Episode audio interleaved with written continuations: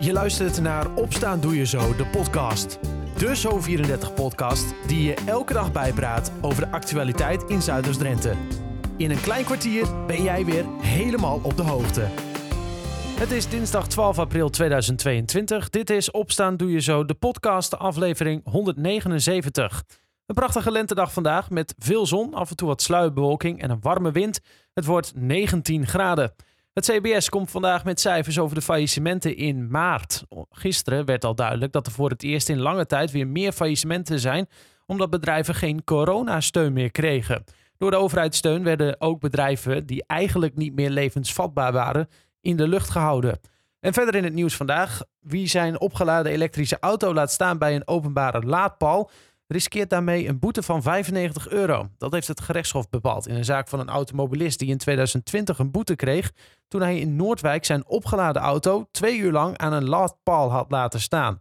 De Vereniging van Elektrische Rijders vindt het opvallend dat er nu toch een boete is opgelegd, maar denkt niet dat dit nu heel vaak gaat gebeuren. Het heeft namelijk geen prioriteit. Er is ook wel geëxperimenteerd in gemeentes om te kijken of je een soort nou ja, een laadkleeftarief uh, wil instellen. Dus als je auto is opgeladen, dat je nog wel een bepaald bedrag blijft betalen. Dat leek wel te helpen. Maar de gemeente vond het zelf niet een uh, enorm probleem, zodat ze er ook weer mee gestopt zijn. Auto's die onnodig aan een laadpaal staan, zijn een, vaker een ergernis voor elektrische rijders. En het aantal fietsers dat bij een ongeluk ernstig gewond raakte, is in tien jaar tijd met bijna een derde toegenomen. Blijkt uit onderzoek van Veiligheid NL. Het ging meestal om eenzijdige ongelukken door bijvoorbeeld rem- of stuurfouten. Er komen relatief veel mensen bij de eerste hulp terecht na een ongeluk met een e-bike, zegt het kenniscentrum. We denken onder andere omdat nou ja, een elektrische fiets natuurlijk sneller gaat dan een gewone fiets. Hè, en hij is vaak ook wat zwaarder, hè, dus misschien de balans moeilijker te houden. Uh, maar we hebben ook eigenlijk meer onderzoek nodig om echt te achterhalen waar die, uh, ja, waar die extra ongelukken nou precies door komen. Bijna de helft van de ongelukken van de slachtoffers is ouder dan 55, maar ook jongeren van 12 tot 17 jaar liepen ernstige verwondingen op. In bioscoop Tuskensi in Amsterdam is gisteravond de film over bondscoach Louis van Gaal in première gegaan. De hoofdrolspeler was van tevoren niet zenuwachtig, ook al had hij de documentaire nog niet helemaal afgezien. Ik heb wel al uh, drie keer zeg maar, een, een uitgewerkte film van, van mij gezien. En ik heb drie keer mij geen minuut verveeld. Dus ja, dat is toch opmerkelijk, denk ik. Ik, ik vind ook, uh, dat durft niemand te zeggen, maar ik hou van mezelf. Het is niet zo dat ik niet van mezelf hou, want anders zou ik ongelukkig zijn. Vrijwel het hele leven van Van Gaal komt in de film voorbij. Zijn successen, maar ook de tegenslagen, zoals zijn strijd tegen prostaatkanker en het niet halen van het WK in 2002. En de belangrijkste nieuws uit Zuidoost-Drenthe. De vijf mannen die volgens het Openbaar Ministerie begin dit jaar een drugslab runden in een boerderij in Stieltjeskanaal, blijven langer in voorarrest. Dat heeft de rechtbank in Groningen beslist. Het drugslab werd op 5 januari door de politie ontmanteld. Het lab produceerde amfetamine. Zometeen meer nieuws uit Zuidoost-Drenthe. En verder in de podcast hoor je over Oekraïense kinderen die les krijgen in Emmen. Maar eerst een prijswinnaar in de podcast. Okkie Poortvliet uit Odoorn won gisteren de Drentse Talentprijs Cultuur. De filmmaakster krijgt de prijs onder meer uitgereikt voor haar film IJswee.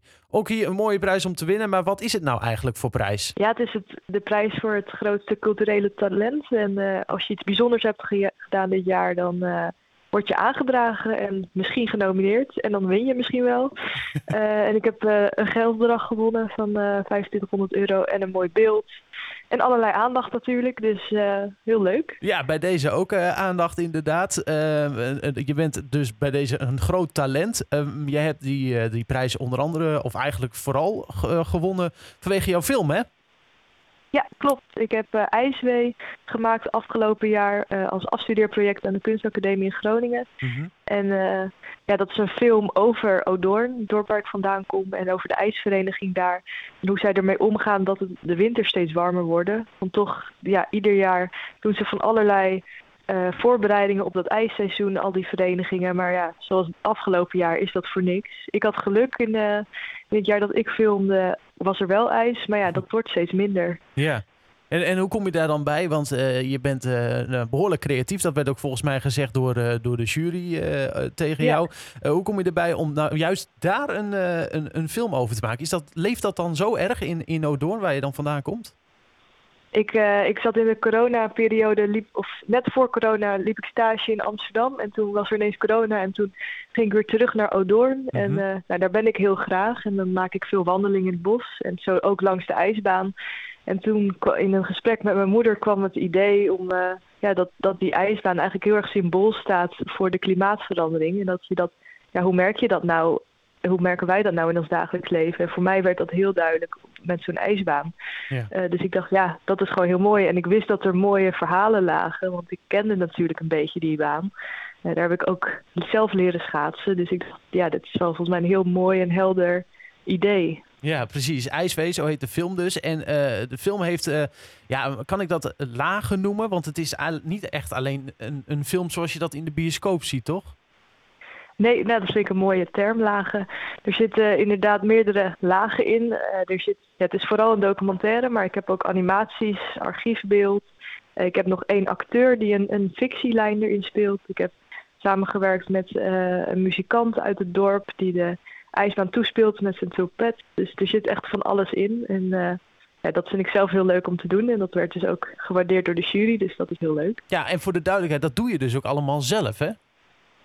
Ja, ja deze film heb ik echt wel uh, helemaal in mijn eentje eigenlijk gemaakt. Wel met uh, hulp van een acteur en een componist die de muziek deed. Ja. En natuurlijk heel veel steun vanuit het dorp. Ik heb een crowdfunding gedaan om de film te kunnen maken. En natuurlijk heel veel samenwerking uh, met de mensen die in de film zitten. Maar ja, alle creativiteit verder is wel uh, een beetje van mij. Maar ja. dit is toch ongelooflijk veel werk? Ja, tenminste, dat kan, stel ik me dan even zo voor hoor.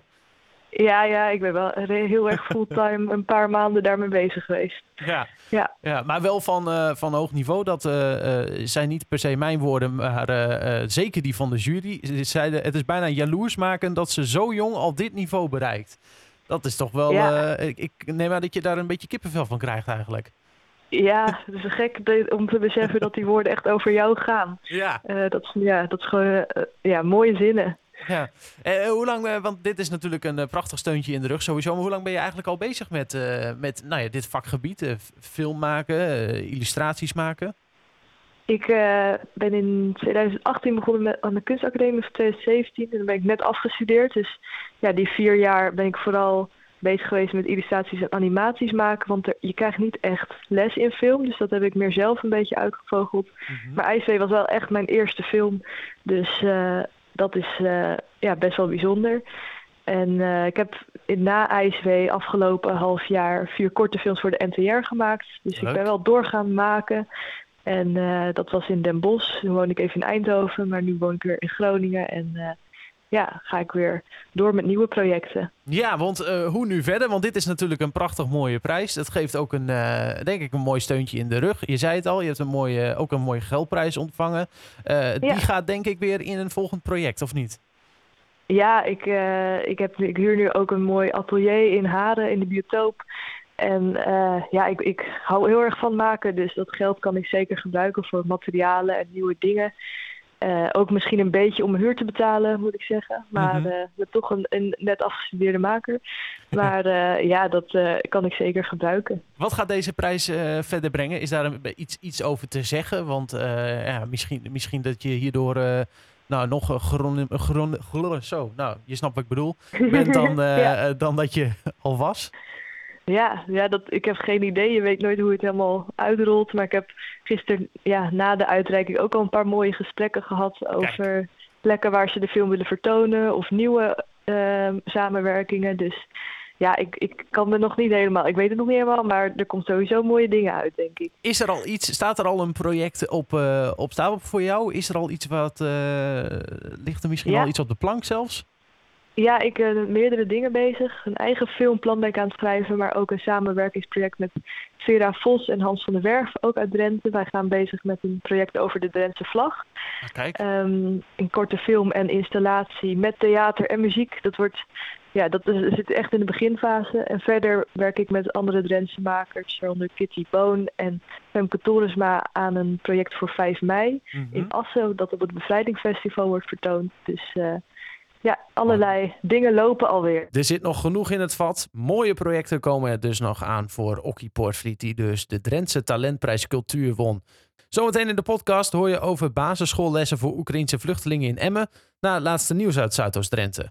De vijf mannen die volgens het Openbaar Ministerie begin dit jaar een drugslab runden in een boerderij in Stieltjeskanaal blijven langer in voorarrest. Dat heeft de rechtbank in Groningen beslist. Het drugslab werd 5 januari door de politie ontmanteld. Het lab produceerde amfetamine. De straatwaarde daarvan ligt op ongeveer 800 euro per liter.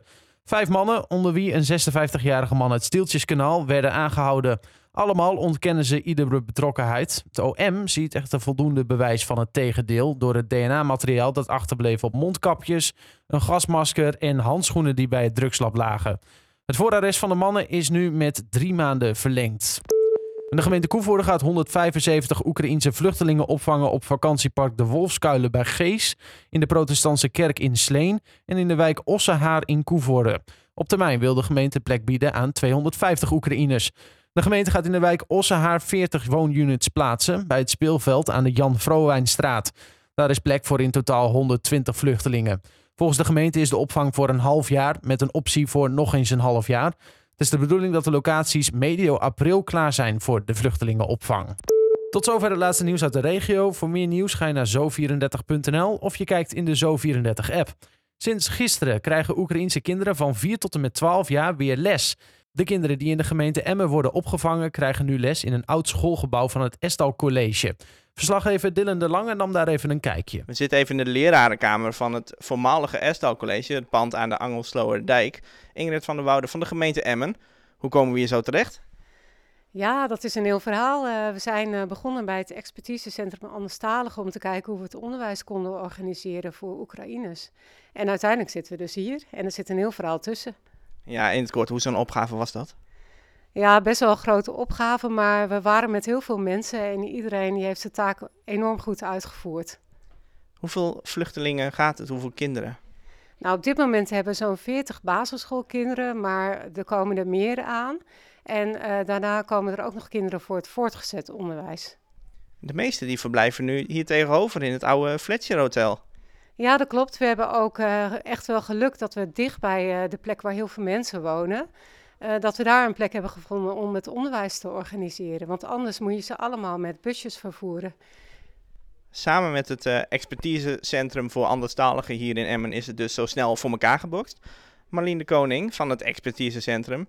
Hoe ziet zo'n dag er als vandaag uit? Uh, vandaag zijn we begonnen met het ontvangen van de ouders en de, de kinderen. Uh, we hebben ze verwezen naar de groep waar ze zijn uh, ge geplaatst. En vervolgens, ehm, toen de kinderen wat gezetteld waren, hebben we de ouders weer opgehaald. Die namen plaats in de hal en daar hebben ze informatie gekregen over onze school. En daarbij konden we gebruik maken van een tolk. Spannend, denk ik, voor, voor die mensen. Dat was zeker zo, maar als ik nu de groepen inkijk dan merk ik dat de kinderen toch wat meer ontspannen zijn, een plek beginnen te vinden. En dat zagen we eigenlijk ook bij de ouders. Um, ook omdat ze vragen konden stellen van hoe werkt dat allemaal?